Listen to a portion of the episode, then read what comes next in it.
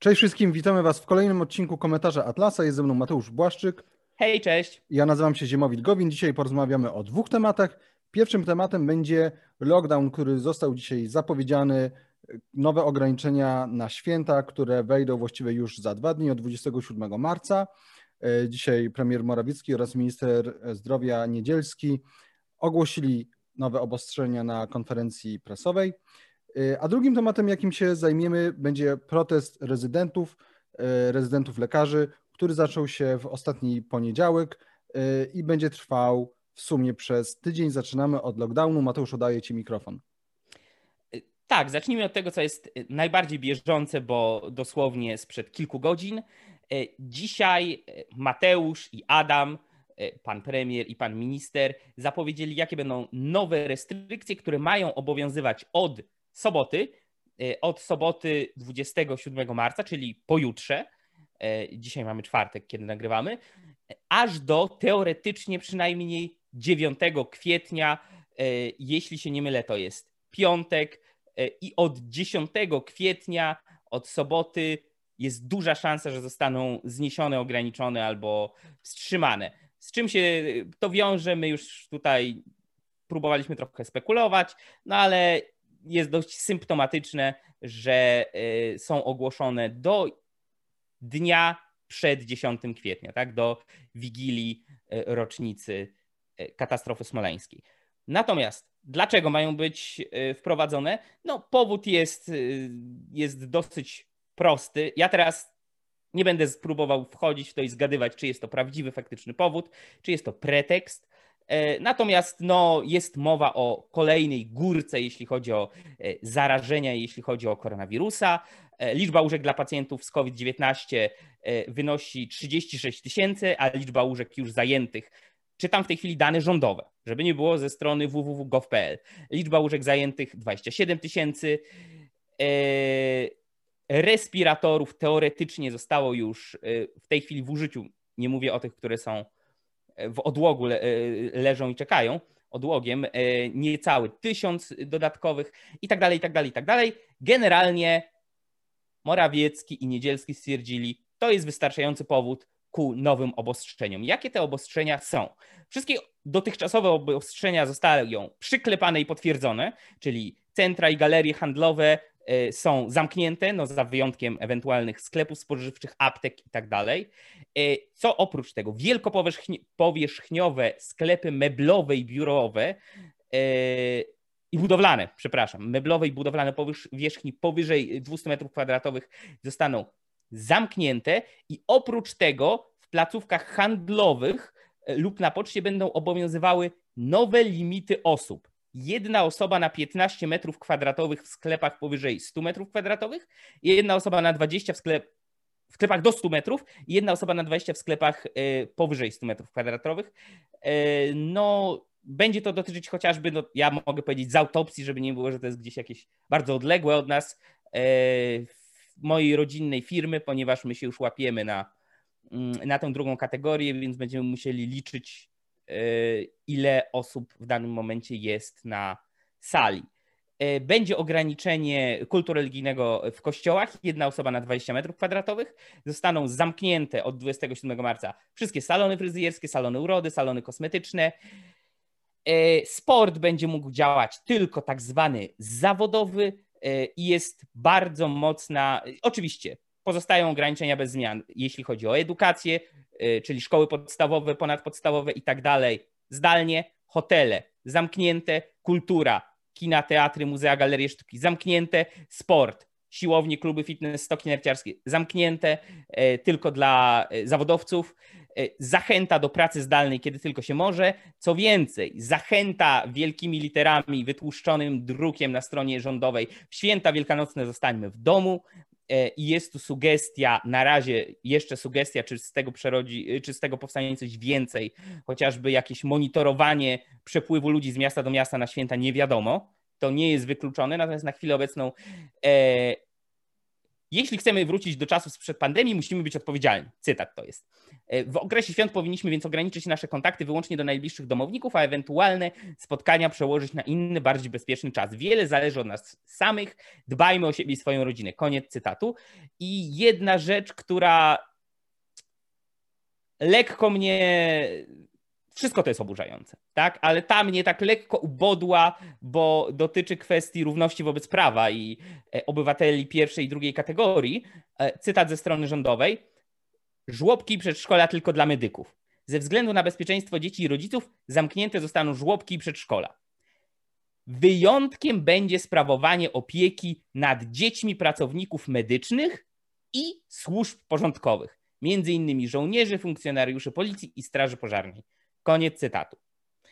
Oczywiście zdaję sobie sprawę, że można zaraz podać milion pięćset, sto dziewięćset powodów, dla których no tak, bo ich praca jest szczególnie istotna. E, oczywiście lekarzy można usprawiedliwić, te, że dzieci lekarzy będą wyjątkiem tym, że jest ich, e, są bardziej potrzebni w tej chwili w samej służbie zdrowia. Dlaczego żołnierze, funkcjonariusze Policji, Straży Pożarnej też do tego mieliby nale należeć, do tej wyróżnionej kategorii, to już myślę trochę ciężej z uzasadnieniem, ale nadal można. Także domyślam się, że być może nawet w komentarzach pod naszym filmikiem pojawią się uzasadnienia, usprawiedliwienia, natomiast z mojego punktu widzenia, nie ukrywam, jest to lekko oburzające jest to takie klasyczne e, łamanie zasady równości wobec prawa czy e, równości w wolności. E, więc to tyle ode mnie, jeśli chodzi o takie jest... krótkie podsumowanie e, nowych zasad, które od pojutrze mają obowiązywać. No, z tymi, z tymi dziećmi med, medyków, lekarzy i tak dalej, to jest wszystko podyktowane, to jest zgodne z tą logiką, że rzucamy wszystko, by móc utrzymać służbę zdrowia. Mamy dzisiaj ponad 34 tysiące zakażeń. E, ja wczoraj słuchałem wywiadu z jednym profesorem, który jest tej, w tej radzie lekarskiej tam jak ona się nazywa przy, przy premierze, która mu też doradza. Oczywiście nie zawsze to, co robi premier i rząd jest zgodne z tym, co oni im doradzają. Natomiast bardzo mnie rozbawiło wczoraj, jak ten profesor, ja teraz nie pamiętam jego imienia, mówił o tych zakażeniach i się przejęzyczył i powiedział o chorych, no, jest różnica między zakażonym a chorym, co tu podkreślamy, więc fajnie by było, jakby profesor, jakiś epidemiolog czy wirusolog też znał tę różnicę. Ale wracając do Twojej uwagi, zgadzam się z Tobą. Zgadzam się z Tobą, tylko o, oczywiście y, tutaj odpowiedź jest jasna. No, jest to podyktowane tą logiką, że wszystko robimy pod służbę zdrowia. To, to tak. co mnie osobiście, o tym wspominałem w ostatnim odcinku, to, to co mnie osobiście irytuje, to y, kompletne ignorowanie mm, jakby kwestii kościoła, to znaczy tego, że y, no, kościoły... no już nie, no już nie, tak? No, Teraz znaczy 20... nie, no, kościołach. Jedna osoba na 20 metrów. Ja, ale wcześniej te, też była jedna osoba na 15, tylko pytanie, dlaczego restauratorzy nie mogą się otwierać w reżimie sanitarnym, sklepy nie mogą się otwierać w reżimie sanitarnym, siłownie i e, tak dalej, a kościoły mogą, a e, kościoły jak były otwarte, tak są e, otwarte. Zmieniono z jednej osoby na 15 metrów do jednej osoby na 20 metrów. Natomiast tutaj są, jest kilka rzeczy. Po pierwsze, to jest to, co powiedziałem, czyli dlaczego kościoły mogą, mimo że się tam, tak jak już mówiłem, e, śpiewa, modli, e, jakby przystępuje się do Komunii Świętej. I dzisiaj, dzisiaj, dzisiaj oglądałem wywiad z mm, Kamilem Bortniczukiem, byłym posłem porozumienia, który twierdzi, że dalej jest posłem porozumienia tego od Adama e, Bielana i on twierdzi, że to jest taka ważna duchowa rzecz, że nie można jej porównywać do otwierania restauracji. I na pytanie dziennikarki Kamili Biedrzyckiej, no dobrze, ale co z Eucharystią? Przecież podaje się ją do ustnie. On stwierdził, że no nie, to pani nie wie, bo pani nie była dawno w kościele, poddaje się ją na rękę. Pomijam fakt, że jest to teologicznie problematyczne i jest wielu księży, którzy nie chcą tego robić. Ja tu nie będę w teologię katolicką wchodził. E, też mnie to niezbyt interesuje, czy podają to z ziemi, czy na rękę, czy do ust, czy na głowę. E, natomiast to nie ma znaczenia większego, czy prosto do ust, czy na dłoń. E, więc to jest ta pierwsza rzecz, którą, która, która mnie irytuje, czyli po prostu ta hipokryzja. Ta hipokryzja rządu, że zamykamy działania jakby firmy, zamy, zamykamy całe branże, skazując ludzi na to, że nie mogą się utrzymać, swoich rodzin, swoich pracowników też, ci pracownicy nie mogą przecież pracować, nie mówiąc o wszystkich jakby podbranżach, które związane są z całym łańcuchem dostaw, a takich ludzi jest przecież od groma. I to tutaj nagle się okazuje, że ważniejsze są czyjeś potrzeby duchowe, to znaczy te y, w pewnym sensie uznajemy, akceptujemy czy faworyzujemy względem tego, żeby ktoś mógł żyć i się utrzymać, przeżyć. Więc to jest ta rzecz. Y, druga rzecz jest taka, że y, minister Niedzielski na dzisiejszej konferencji został zapytany przez jedną dziennikarkę, czy w jaki sposób kościoły będą sprawdzane. Tak, kto to będzie sprawdzał? Czy będzie przychodziła policja, czy coś innego? A minister Niedzielski, to też jest ciekawe, spotkał się wczoraj z episkopatem. Y, spotkał się wczoraj z episkopatem, ja jeszcze do tego wrócę. Y, I doszli do wniosku, że to będzie leżało w gestii episkopatu, w gestii kościoła, w jaki sposób będą to sprawdzać. Tak, czyli no, mamy tu znowu nierówne traktowanie, które w oczywisty sposób no, wynika po prostu z tego mariażu PiSu z e, Kościołem. E, już tu nie będę wchodził w, w, w, tę kwestię, że jest to niedobre i dla Kościoła, i dla państwa, bo to wszyscy wiemy, ale no jednak to, to, to jest coś, co mnie osobiście e, irytuje i, i przyznam szczerze, że przez te wszystkie miesiące, mimo że były głosy, żeby kościoły za, zamknąć, ja nie słyszałem właśnie aż do dzisiaj tego pytania, co z Eucharystią, tak, którą podaje się, nie wiem, ręką, czy na rękę, czy jakkolwiek. E, I, i, i, ale nie mogę iść do restauracji, gdzie jakby sobie jem w osobnym stoliczku. Okej, okay, dobra. Więc to tyle, jeżeli chodzi o mnie. Mateusz, czy chciałbyś coś jeszcze dodać do tych.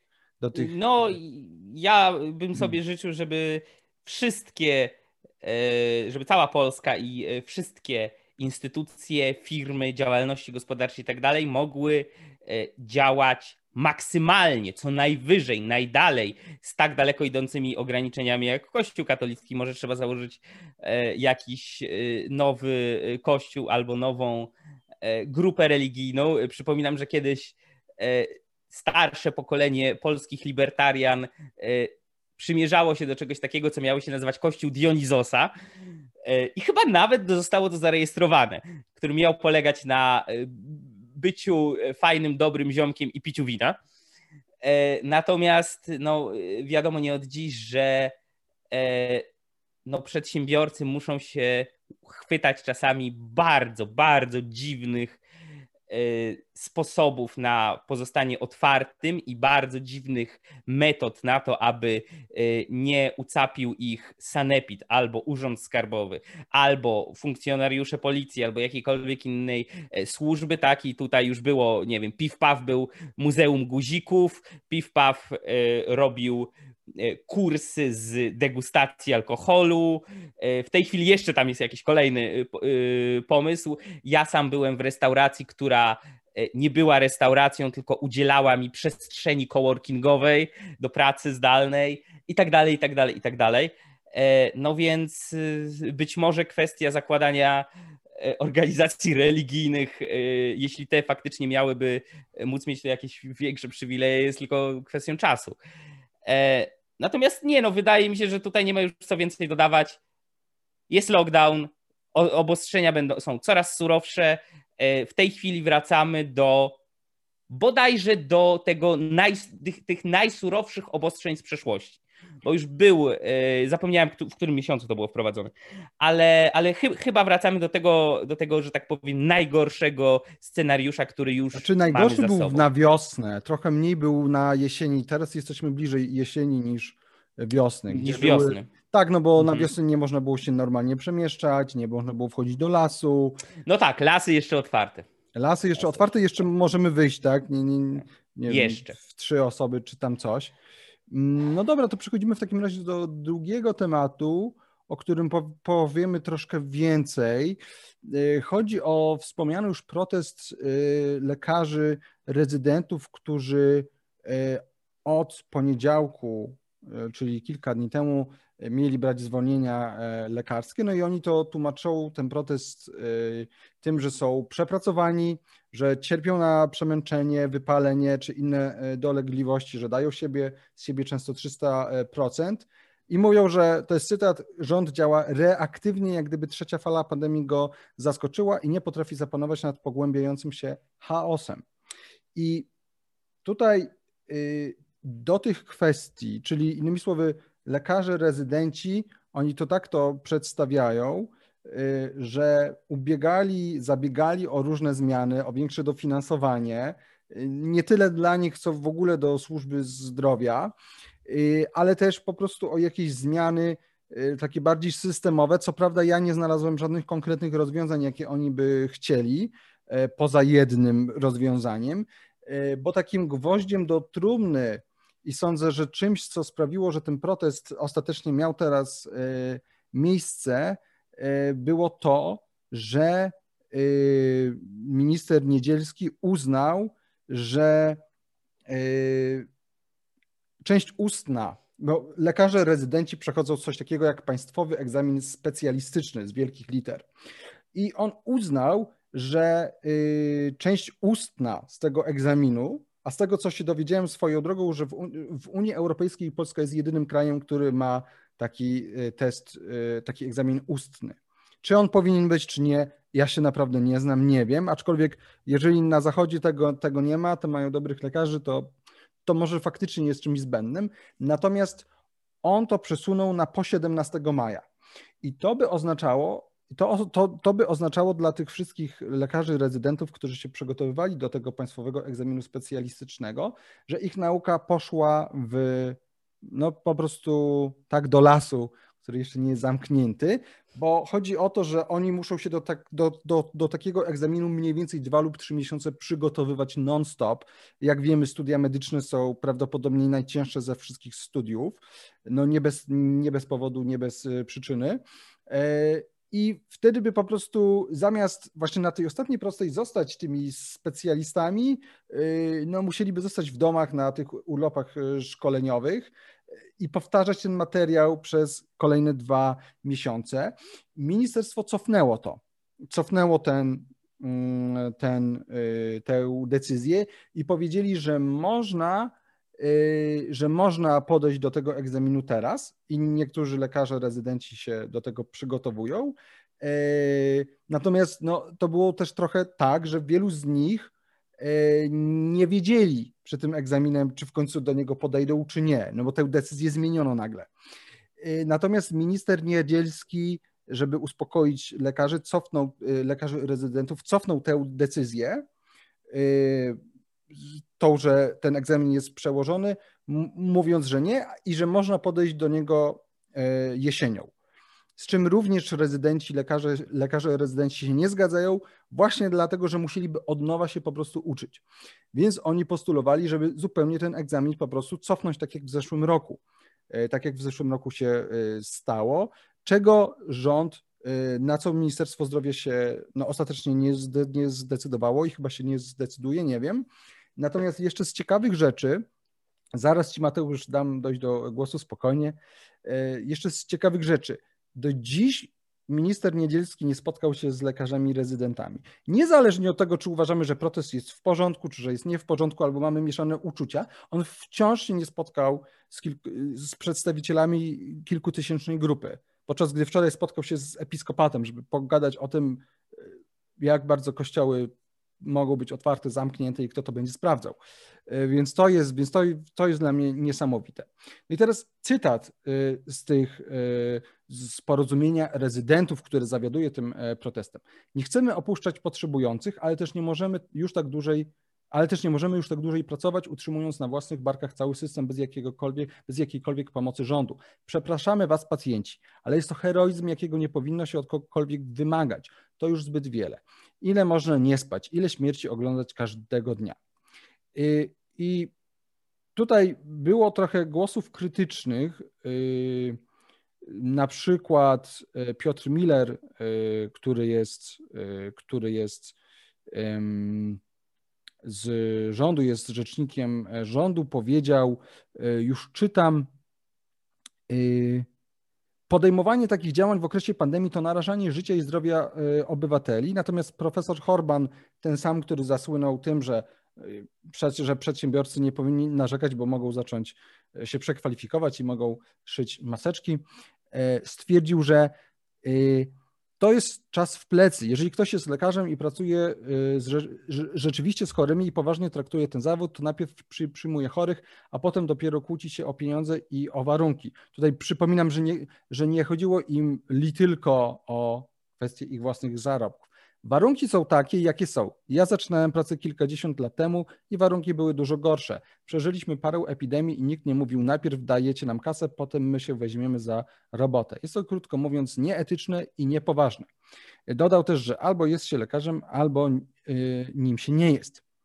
No i to jest tak, że wielu z tych lekarzy rezydentów to nie jest tak, że to są osoby pracujące przy osobach y, chorych.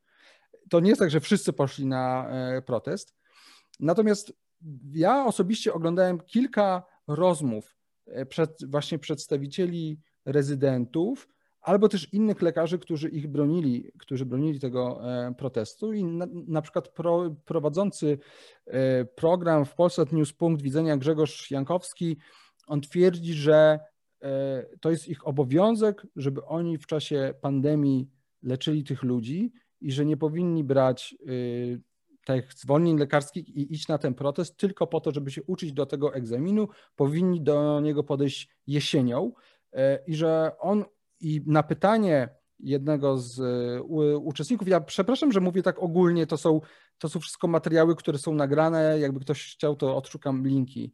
Myślę, że one są gdzieś zapisane, e, te punkty widzenia na YouTubie. E, na pytanie, na pytanie, czy ten prowadzący Grzegorz Jankowski uważa, że to jest w porządku, żeby poświęcić kilka lat uczenia się na to, żeby podchodzić jeszcze raz do egzaminu, on powiedział, że tak, że tak, że to jest, że to jest y, epidemia, że ludzie y, umierają, a oni sobie myślą o swoich partykularnych y, interesach. I tutaj chciałbym od razu, bo za, za chwilkę tam mikrofon Mateuszowi, on będzie miał więcej na ten temat do powiedzenia, też odniesie się bardziej do służby zdrowia jako takiej, jako y, całości. Ja tylko chciałbym powiedzieć, że niezależnie od tego, jak wygląda system zdrowia, to takie podejście do lekarzy rezydentów, czy do, oczywiście do jakichkolwiek ludzi, że oni mają się poświęcać, y, ponieważ są, obejmują, mają zawód y, zaufania publicznego, jak się często mówi, jest po prostu niemoralne. Innymi słowy, abstrahując od sytuacji w polskiej służbie zdrowia, abstrahując od tego, że, e, uniwersytet medy, że uniwersytety medyczne są e, dotowane z naszych e, pieniędzy i ci ludzie zarabiają z naszych pieniędzy, to takie podejście, tak, abstrahujemy od tego, takie podejście, że ty masz się poświęcać, ty masz zapomnieć o tym egzaminie i masz od nowa się do niego uczyć, mimo że wiąże się to z kolejnym dwumiesięczną jakby wyjęciem e, z życia, żeby podejść do tego e, e, egzaminu, bo jak tego nie zrobisz, to jesteś niemoralny i straszny. Ja osobiście uważam, no, z punktu widzenia filozofii etyki obiektywistycznej, to, co oni robią, jeszcze raz abstrahując od wszystkich czynników wokoło, tak, tych, tych, tych, tych, tych czynników zewnętrznych, jak najbardziej oni działają moralnie i mają do tego prawo. Zwłaszcza jeżeli jest tak, jak mówią, że są skrajnie wymęczeni i przepracowani. Mateusz. To jest bardzo szeroki temat i e, odpowiedź co do oceny brzmi w punktach jak bardzo e, e, często to zależy. Zacznijmy od tego. Powiedziałeś, że abstrahując od tego, jak wygląda służba zdrowia, abstrahując od tego, że jest moim zdaniem wszystko fajnie, wszystko dobrze, tylko że jeśli chcemy ocenić tych konkretnych ludzi w tej konkretnej sytuacji, e, Anno Dominie 2021 w Polsce, to musimy brać pod uwagę, tak jak zresztą sam się powołam też na jeden, jedną z podstawowych zasad, e, które postuluje filozofia obiektywizmu, musimy spojrzeć na kontekst nic nie istnieje w próżni, nic nie istnieje bezkontekstowo. Nie możemy wziąć sobie postulatów e, protestujących lekarzy rezydentów, ceteris paribus i wyabstrahować ich od wszystkiego innego, bo to wszystko istnieje w jakimś konkretnym kontekście. I zaraz do tego przejdę. To jest pierwsza rzecz. E, moim zdaniem nie bez, e, nie bez znaczenia jest fakt, jak działa, jak działała dotychczas i w jakim kierunku zmierza tak zwana publiczna służba zdrowia i opieka medyczna w Polsce i nie jest bez znaczenia, jakie są pomysły środowisk lekarskich, zarówno tych starych wygów lekarskich, jak i młodych lekarzy, czy to rezydentów, czy nawet stażystów, na to, jak zmienić tę sytuację. Y, I teraz znów, ja nie oczekuję, bo nie można tego oczekiwać od niczego, od nikogo w zasadzie, że nagle w magiczny sposób wszyscy lekarze, czy wszyscy aspirujący lekarze staną się ekspertami od rozwiązywania krajowych problemów e, służby zdrowia, opieki medycznej i tak dalej. Nie. Wiadomo, że to nie są rzeczy, do których oni się uczą, szkolą i przygotowują, aby e, jeśli ktoś chce zostać chirurgiem, to niekoniecznie musi wiedzieć, jak zarządzać od razu siecią szpitali. Natomiast jeśli wychodzi się z jakimiś postulatami w ramach protestu, jeśli wychodzi się z jakimiś postulatami, e, aby zadziało się to, tamto, owamto, to trzeba mieć konkrety. Nie można iść tylko z programem negatywnym. Nie można na przykład iść z programem jest źle, ja chcę podwyżki. I tyle, bez zastanowienia się, jaka ta podwyżka, skąd, kosztem czego, w jaki sposób ma być i tak dalej, i tak dalej, i tak dalej. E, zwłaszcza, że tego typu zasady e, przykłada się do wszystkich innych protestów, a zwłaszcza protestów sektora prywatnego. Kiedy idą e, protestować przedsiębiorcy, to oni nie słyszą e, generalnie, no dobrze, no to, to, to, to co wy chcecie, krytykujecie to, to e, i tamto, ok, to my wam ustąpimy, tylko słyszą, a co proponujecie w zamian? Jest epidemia, e, a co, a chcecie, żeby ludzie umierali, a reżim sanitarny, a to, a tamto, a tutaj nie możecie działać i nie macie niczego w zanadrzu innego, a powinniście pracować zdalnie i tak dalej. Więc od razu jest przerzucenie na protestujących, czy uczciwe, czy nie, nie wiem, ale nie będę w tej chwili w to wnikał, ale przerzucenie tego, że mają wystąpić z jakąś pozytywną wizją, pozytywnymi postulatami. Więc no ja uważam, że jeśli tak traktujemy jednych protestujących, to warto tak traktować drugich.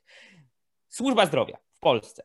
E, pozwolę sobie bardzo krótko zacytować e, fragment z innego e, protestu lekarzy rezydentów, fragment artykułu z protestu e, lekarzy rezydentów e, z przed trochę ponad trzech lat. To jest artykuł Jarosława Gugały.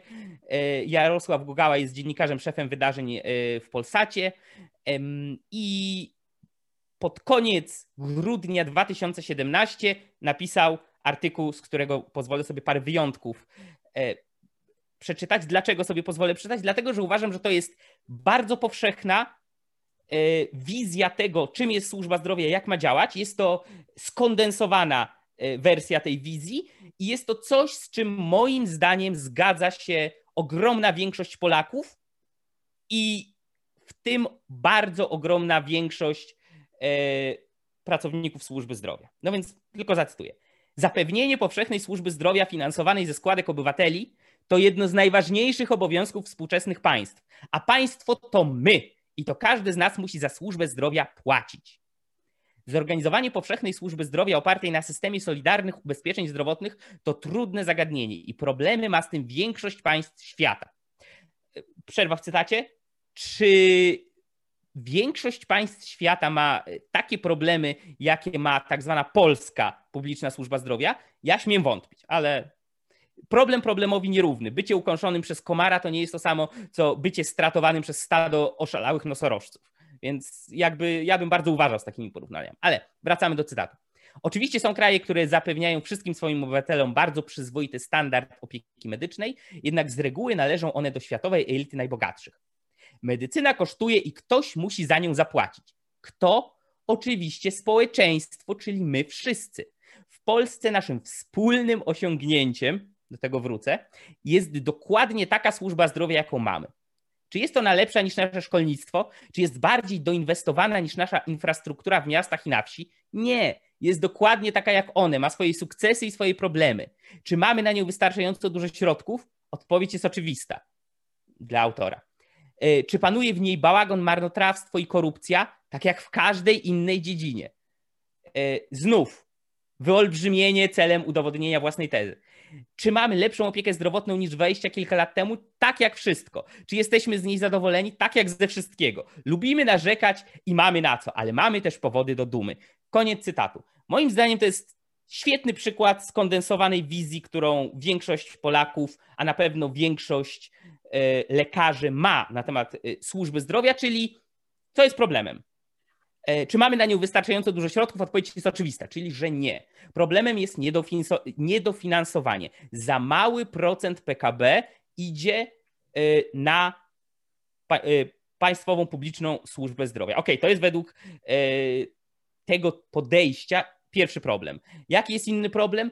Ano taki, że też Polacy za dużo chcą. Lubimy narzekać i mamy na co, mamy też powody do dumy może będę złośliwy, ale jeśli ktoś w komentarzach pod naszym nagraniem wypisze mi w podpunktach e, powody do dumy z publicznej służby zdrowia w III Rzeczpospolitej ostatniej, ostatnich 30 lat, to ja będę bardzo chętny, e, bo e, nie. I jakby tu jest pokazane tak, no tak, no bo lekarze zarabiają za mało, za mało pieniędzy idzie na sprzęt, za mało idzie tam. Czy to jest prawda, czy nie? Nie wiem i nikt tego nie wie. E, dlaczego nikt tego nie wie? Bo nie ma żadnego mechanizmu sprawdzenia, względem czego zarabiają za mało, w jakich kategoriach. Oczywiście to dotyczy tego, że e, generalnie sektor publiczny, sektor państwowy nie może przeprowadzić normalnej, racjonalnej kalkulacji ekonomicznej, e, zwłaszcza jeśli monopolizuje jakąś dziedzinę e, i my nie możemy powiedzieć, że dany lekarz zarabia za dużo, za mało i tak dalej. Jestem przekonany, że jest wielu lekarzy, zwłaszcza lekarzy specjalistów, zwłaszcza dobrych, renomowanych lekarzy, którzy e, no, w ciągu swojej pracy ratują setki, jeśli nie tysiące żyć, którzy zarabiają za mało. Jestem, jestem też, i to myślę, że będzie dla niektórych kontrowersyjne, jestem pewien, bo sam znam takie przypadki, że są lekarze, którzy zarabiają za dużo, bo są zwykłymi konowałami. Są kiepscy i nigdy nie powinni w owej publicznej służbie zdrowia, jeśli już takowa istnieje, zagrzać miejsca. E, I teraz, jaki jest problem? Pierwszym problemem jest Ministerstwo Zdrowia, e, pan Adam Niedzielski, wszystko co z tym związane. Chaos w Ministerstwie Zdrowia, brak jakiegokolwiek planu, brak organizacji, przestawianie całej służby zdrowia na covidocentryczną z pominięciem, a w tej chwili to już takim oficjalnym wręcz zlaniem innych pacjentów, tak? No, jeśli jest mowa o tym, że lekarze na oddziałach onkologicznych lekarze leczący ludzi z nowotworami mają być przerzucani na oddziały covidowe, to, no to nie jest służba zdrowia, z której ja mam, e, mogę być dumny, z której ja mogę mieć powód do dumy, jak to te trzy lata temu napisał e, ów dziennikarz Polsatu. Nie, to jest tragedia. I to jest tragedia nie tylko istniejącego wirusa i epidemii, COVID-19, bo to jest jedna tragedia, co do której faktycznie nie można mieć pretensji do Mateusza Marowieckiego, Adama Niedzielskiego i tak dalej, tylko jest druga tragedia i to jest tragedia bardzo złych decyzji podejmowanych przez polityków i decydentów, jeśli chodzi o służbę zdrowia. Więc to jest jedna część do skrytykowania i my to robimy w zasadzie we wszystkich prawie yy, komentarzach Atlasa, kiedy o tym mówimy, prawda, Ziemowit? Niedzielski, Morawiecki, et consortes są u nas na patelni non-stop. Ale teraz, co z tymi lekarzami rezydentami? Bo to jest tutaj no, najświeższa informacja. E, ich postulat o tym, żeby odwołać albo przynajmniej znacząco przełożyć e, jakiś ustny egzamin w sytuacji, kiedy cała masa z nich jest potrzebna bezpośrednio do leczenia i ratowania ludzi, jest jak najbardziej zasadny i sensowny. E, I w tym momencie ja powiem tak, nie mam pojęcia, co to jest za egzamin i nic mnie to nie obchodzi. I uważam, że nic mnie nie musi to obchodzić, żeby powiedzieć tak, ich petycja, ich prośba, ich stanowisko, słuchajcie, to nie jest w tej chwili najlepszy czas. E, i przełożenie tego tylko na jesień też nie jest najlepszym rozwiązaniem. Oddalmy to jeszcze dalej, bo rozwiążmy w inny sposób. W porządku. Natomiast przechodzimy do kwestii tego poświęcenia. Tak, nikt nie ma obowiązku poświęcać się dla innych. Nikt nie ma obowiązku poświęcać swojej ciężkiej pracy i wysiłku, wykrwawiać swojego życia, swojego czasu i tak dalej na rzecz innych. Więc lekarze rezydenci mieli częściową rację, mówiąc, że nie można od ludzi wymagać takiego heroizmu. Tylko dwie sprawy. Po pierwsze, to nie jest tak, że ci lekarze rezydenci, jak i wszyscy inni lekarze w służbie zdrowia, spadli nagle z nieba jako anioły ratujące ludzi, tylko są ludzie, którzy krótszy lub dłuższy czas, e, niezależnie od tego, czy była pandemia, czy nie, żyją z pieniędzy podatników, niezależnie od tego, e, w zasadzie w dużej mierze, ilu pacjentów e, wyleczą, ilu pacjentom pomogą, a ilu potencjalnie zaszkodzą. To jest kolejny problem z państwowymi służbami. Nie ma selekcji pozytywnej. Nie ma prostego, jasnego, łatwego kryterium, które sprawia, że dobrzy lekarze pną się w górę, są e, coraz lepiej uposażeni, zarabiają coraz więcej e, i tak dalej, i tak dalej, i tak dalej, a lekarze przeciętni, no ledwie się utrzymują na poziomie, ale lekarze kiepscy, konowołowie wypadają poza nawias. Nie ma tego. Wobec tego postulat, że taka wizja w ogóle roztaczana, że wszyscy lekarze ciężko pracują, wszyscy lekarze w tej chwili są zarobieni potąd, wszyscy lekarze ratują życia i są bohaterami i w ogóle on, a i ach, podczas gdy oczywiście na przykład wszyscy przedsiębiorcy są opluwani, bo yy, roznoszą tylko wirusy i tak dalej, jest absurdem. Ja wiem, że dużo ludzi ogląda sobie na dobre i na złe albo jakieś inne yy, doktora Hausa, ale nie, nie każdy lekarz jest lekarzem jak ci najlepsi z na dobre i na złe, albo nie każdy lekarz jest takim doktorem chaosem, że może i jest dupkiem, ale świetnie leczy. Są tacy w obecnym systemie bardzo ciężko ich wyłuskać, a nawet jeśli bardzo ciężko znaleźć kryteria, e, żeby ich awansować czy zapewnić im wyższe wynagrodzenie. A jeśli jest to możliwe, to żaden polityk w ciągu ostatnich 30 lat niespecjalnie coś zrobił w tym kierunku, aby tak się stało.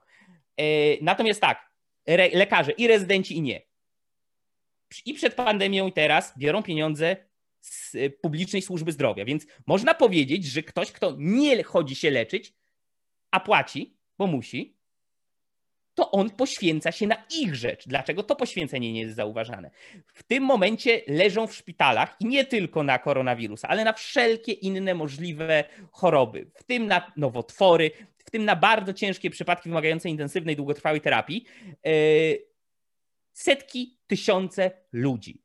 I oni całe swoje życie w dużej mierze płacili składki zdrowotne. Płacili je cięż, za swoich ciężko zarobionych pieniędzy.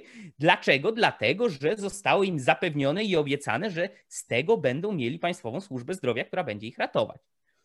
I w tym momencie lekarze rezydenci mówią: My, się nie, my nie możemy być zmuszani do poświęcania i bycia, i bycia herosami. Zgoda. Tylko dlaczego pacjenci mieliby być poświęcani? Dlaczego ich życie i ich dobrostan miałby być mniej istotny? E, więc to nie jest poświęcenie lekarzy rezydentów kontra brak poświęcania kogokolwiek, tylko to jest poświęcenie lekarzy rezydentów, ich czasy, pracy i wysiłku. Ja abstrahuję w tej chwili od tego absurdalnego egzaminu ustnego. Mówię o samej pracy, mówię o szerszym problemie samej pracy e, w służbie zdrowia kontra e, pacjenci, którzy całe życie płacili, albo ich rodziny płaciły składki zdrowotne i tak dalej, płaciły na NFZ, utrzymują tych lekarzy i teraz nagle się dowiadają, no i figę z tego macie, figę z makiem z pasternakiem. Abstrahuję już od tego, bo to jest kolejna rzecz, że no jak większość yy, znów, to jest coś, o czym można by zrobić temat rzekę, większość studiów w Polsce, no studiowanie medycyny jest bezpłatne. I można studiować medycynę bezpłatnie, w przeciwieństwie do na przykład studentów medycyny w Stanach Zjednoczonych. E, ja nie mówię, że to jest łatwy kierunek, wręcz przeciwnie, zgadzam się z Ziemowitem. Nie wiem, czy jest najtrudniejszy, ale zapewne jeden z trudniejszych. Na pewno w top 10, być może w top 3 na podium najtrudniejszych e, kierunków studiów w Polsce. Mm, ale jest finansowany przez podatników. Więc kiedy idzie się na te studia i jakby ciężko się pracuje, żeby zostać lekarzem, ale tą ciężką pracę na nią składają się też, poświęcają się w cudzysłowie także inni. Warto wziąć to pod uwagę. E, I wreszcie, dużo bardziej rozumiałbym protest e, tych lekarzy rezydentów, czy jakichkolwiek innych lekarzy, gdyby przyszli właśnie z tym, o czym mówiłem na samym początku, z pozytywną wizją. Co oni chcą zmienić? Jakie chcą reformy? Chcą większego odsetka PKB na służbę zdrowia. Okej, okay. kosztem czego? Niech wyjdą z konkretną propozycją. Ja mówię, nie każdy lekarz musi być mistrzem politycznych y, ustawianek tak? i szatkowania budżetu y, państwa. No ale naprawdę nie znajdzie się wśród nich żaden ekspert, który by mógł reprezentować to środowisko i z czymś takim wystąpić. Z czego zabrać, żeby tam dać? Konkrety. Tak, bo daj, daj, daj, to znaczy, jeśli w tym momencie miałoby więcej pieniędzy iść na służbę zdrowia bez obcięcia gdzieś indziej, to znaczy, że albo A, obywatele mają się więcej poświęcać na rzecz tych lekarzy, bo płacić wyższe podatki, albo B, obywatele mają się więcej poświęcać na rzecz tych lekarzy, ponieważ będzie inflacja i z tego będą te pieniądze, albo C, obywatele mają się więcej poświęcać na rzecz tych lekarzy, ponieważ trzeba będzie bardziej zadłużyć państwo, wziąć więcej długoletnich czy nawet wielodekadowych pożyczek. E, nie słyszałem żadnej propozycji, skąd te pieniądze mają iść, tylko że mają iść. E, I to jest, pro, to jest problem praktycznie wszystkich protestów tak zwanej budżetówki. To jest nagminne w przypadku protestów nauczycieli, e, wszystkich służb mundurowych. Znów, nie mówię, że nie ma dużej części lekarzy, którzy zarabiają za mało w stosunku do tego, co faktycznie rynkowo warta jest ich praca. Zapewne tak jest, ale y, protest, który polega na wyciągnięciu ręki i mówi daj, daj, daj, bo my za mało pracujemy i to daj wszystkim, tym dobrym lekarzom i tym konowałom, jest absurdalny. No y, tutaj w zeszłym roku była niewielka, owszem, bo niewielka podwyżka dla lekarzy stażystów i rezydentów, y, która sprawiła, bo mamy protest lekarzy rezydentów, no to ile lekarze rezydenci zarabiają po zeszłorocznej podwyżce? Zależy którzy, ale E, podwyżki dla e, rezydentów e, wysokość zasadniczego wynagrodzenia miesięcznego lekarza i lekarza dentysty odbywającego daną specjalizację w ramach rezydentury w dziedzinach. Tu mam całą listę. Anestezjologia, chirurgia dziecięca, chirurgia ogólna, onkologia, geriatria, hematologia, kardiologia dziecięca. Lista jakichś 20 specjalizacji to w pierwszych dwóch latach zatrudnienia rezydentury wynosi 4793 zł, niestety brutto.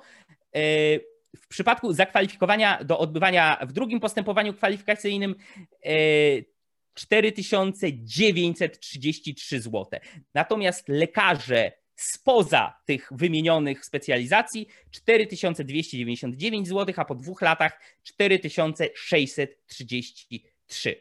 E, dlaczego to mówię? Ano dlatego, że od lipca 2020 e, ci słabiej opłacani lekarze rezydenci zarabiają 165% e, płacy minimalnej, e, a ta wyższa stawka, czyli po tych dwóch latach, to jest 178% obecnej płacy minimalnej. Czy to jest za mało w stosunku do tego, co powinni zarabiać? Zapewne tak. Zapewne w wielu przypadkach tak. Ale czy występują z jakimkolwiek pomysłem, co można by z tym zrobić? Nie, ponieważ to jest moja teza i być może oburzy wielu, ale nie wszyscy lekarze, część jest na pewno uczciwa ich intencje są e, bardzo w porządku. Sam znam takich lekarzy, pozdrawiam. Natomiast duża część lekarzy im jest wygodnie, bo chcieliby mieć ciastko i zjeść ciastko. Chcieliby mieć zapewnioną, ciągłą, ciągłe wsparcie, ciągłe zabezpieczenie ze strony e, budżetówki, która płaciłaby im jako lekarzom w publicznych ośrodkach służby zdrowia, w publicznych szpitalach i tak dalej, a jednocześnie i tam robić no, tyle, ile, ile, ile Pan Bóg przykazał, czyli takie absolutne minimum plus jeden. Ja nie mówię o wszystkich lekarzach znów, ale mówię o dużej, znaczącej części, a jednocześnie chciałaby zarabiać znacznie, znacznie więcej w. Yy, swoich prywatnych przychodniach. Co się zresztą, no, jest patologia tego, że pacjent idzie na rzekomo przysługujący mu, rzekomo bezpłatny yy, spotkanie, rzekomo przysługujące mu bezpłatne spotkanie z lekarzem na konsultację do publicznej placówki na państwową NFZ-owską wizytę, coś tam mu lekarz powie i tak dalej, ale zapraszam na wizytę prywatną, tak? Jakby stąd, stąd, te hasła, co, pokaż lekarzu, co masz w, w, garażu, które uważam oczywiście, że są o tyle obleśne, no, że ingerują, jakby sugerują, że sam fakt, że ktoś dużo zarabia jest zły, co jest absurdem, ale nie można powiedzieć, że nie ma tego problemu. E, który z lekarzy rezydentów protestujących mówi o prywatyzacji służby zdrowia? Przypuszczam, że żaden. Który mówi o jakimś częściowym urynkowieniu albo quasi rynkowych może jacyś są, ale ja ich za bardzo nie słyszę. Już ci zaraz oddaję głos, Ziemowit. E, więc jakby podsumowując to, problem moim zdaniem jest znacznie głębszy i szerszy niż tylko e, biedni lekarze, rezydenci są przepracowani i za mało zarabiają i trzeba ich wesprzeć. Choć to zapewne w przypadku przynajmniej części lekarzy rezydentów jest prawdą. Koniec mojego rantu. Tak, ja chciałem powiedzieć, bo ja to powiedziałem na samym początku, że bardzo żałuję, że ci lekarze rezydenci nie mają konkretnych postulatów, tylko to są takie ogólne rzeczy, z którymi się trudno nie zgodzić, że rząd się nie przygotował na trzecią pandemię i y, trzecią falę i tak dalej. Natomiast jak mówiłeś teraz, jak miałeś ten swój rant, to udało mi się wygooglować na ich, ich stronę i tam są ich postulaty i no, muszę je po prostu przeczytać, bo bo to nie są de facto postulaty, to znaczy to są postulaty efektu końcowego, jaki by chcieli, ale posłuchajcie. Wrzuć proszę na czat, to sam będę mógł, link, to sam będę mógł czytać też. Oczywiście, y, więc tak, tylko wrzucę Mateuszowi to na czat. Y, pierwsze, zwiększenie nakładów na ochronę zdrowia do poziomu europejskiego nie niższego niż 6,8 PKB w przeciągu trzech lat. O tym już powiedzieliśmy. Drugi punkt, likwidacja kolejek. Y, no, ja też nie chciałbym kolejek, kto by chciał? No, to wiecie, ale to nie jest postulat, jak zmienić system, żeby kolejek nie było. Bo to, to nie jest tak, że mamy, że mamy zapis, hej, muszą być kolejki. Usta Ustawą zlikwidować kolejki. Tak. Y, trzecie, rozwiązanie problemu braku personelu medycznego. Co? No, to też nie jest coś, co jest kwestią, okej, okay, likwidacja biurokracji w ochronie zdrowia. Okej, okay, ale konkrety. Tak, ja jestem Poprawa za, warunków pracy i płacy w ochronie zdrowia. Więc to, więc to jest tych pięć, y, to jest tych pięć y, podpisów.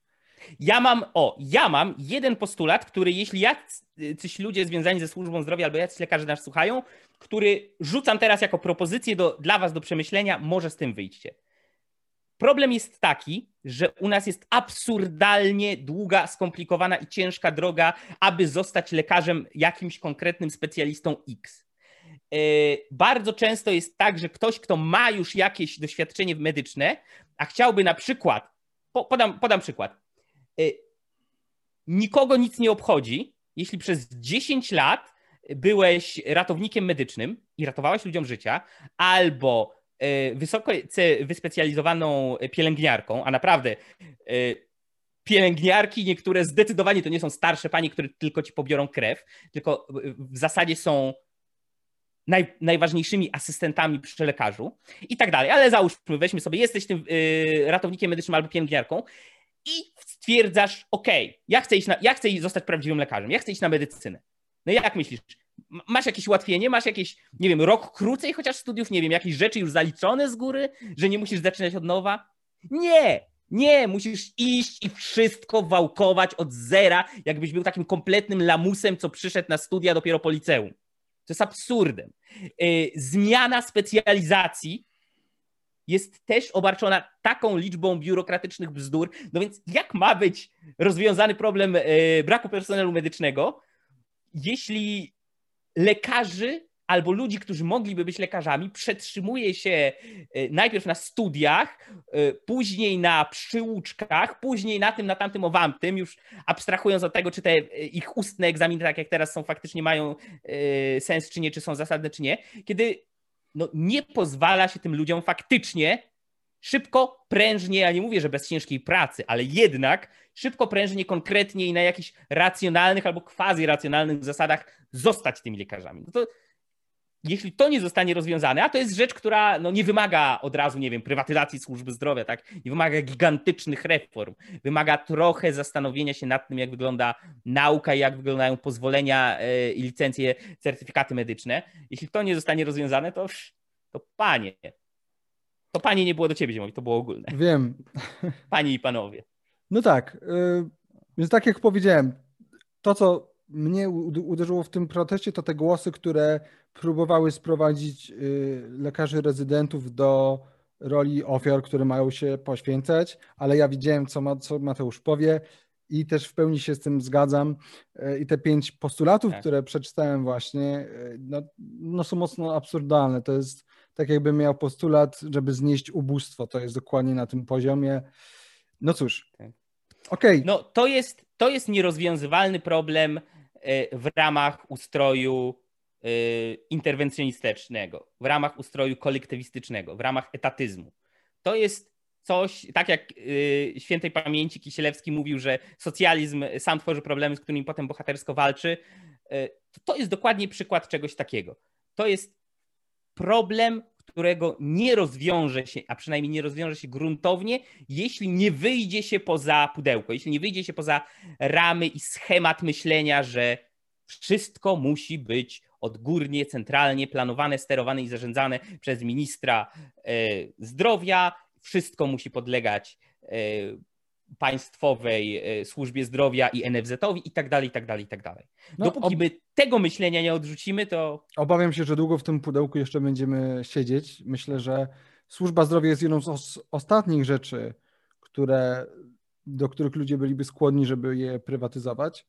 Mm. Chociaż, chociaż mam nadzieję, że może trochę doświadczenia epoki koronawirusa no, no 30 lat mamy narzekanie na kolejki, nic się, nic się nie zmienia. Ba, wskazuje się na publiczną służbę zdrowia na zachodzie, która jest o wiele lepsza. Tak więc to służy jako argument. Spójrzcie, tam to działa. To nie jest tak, że publiczne nie działa, to jest tak, że źle zarządzane publicznie e, albo za mało dofinansowane publiczne nie działa. Okej, okay, już się rozgadaliśmy. E, tak. To wszystko na dzisiaj. Dziękuję Wam. Piszcie w komentarzach, co Wy sądzicie, co Wy, co wy byście zmienili w Polskiej Służbie Zdrowia. Ja przyłączam się do apelu Mateusza. Jeżeli ktoś z Was jest dumny z Polskiej Służby Zdrowia, ma jakieś powody do dumy, ja też chętnie o nich y, przeczytam. Pozdrawiam wszystkich dobrych, porządnych lekarzy. Trzymajcie się, nie dajcie się, jesteście chlubą swojego zawodu. A wszystkie konowały idźcie do piekła. Do. Trzymajcie się, cześć.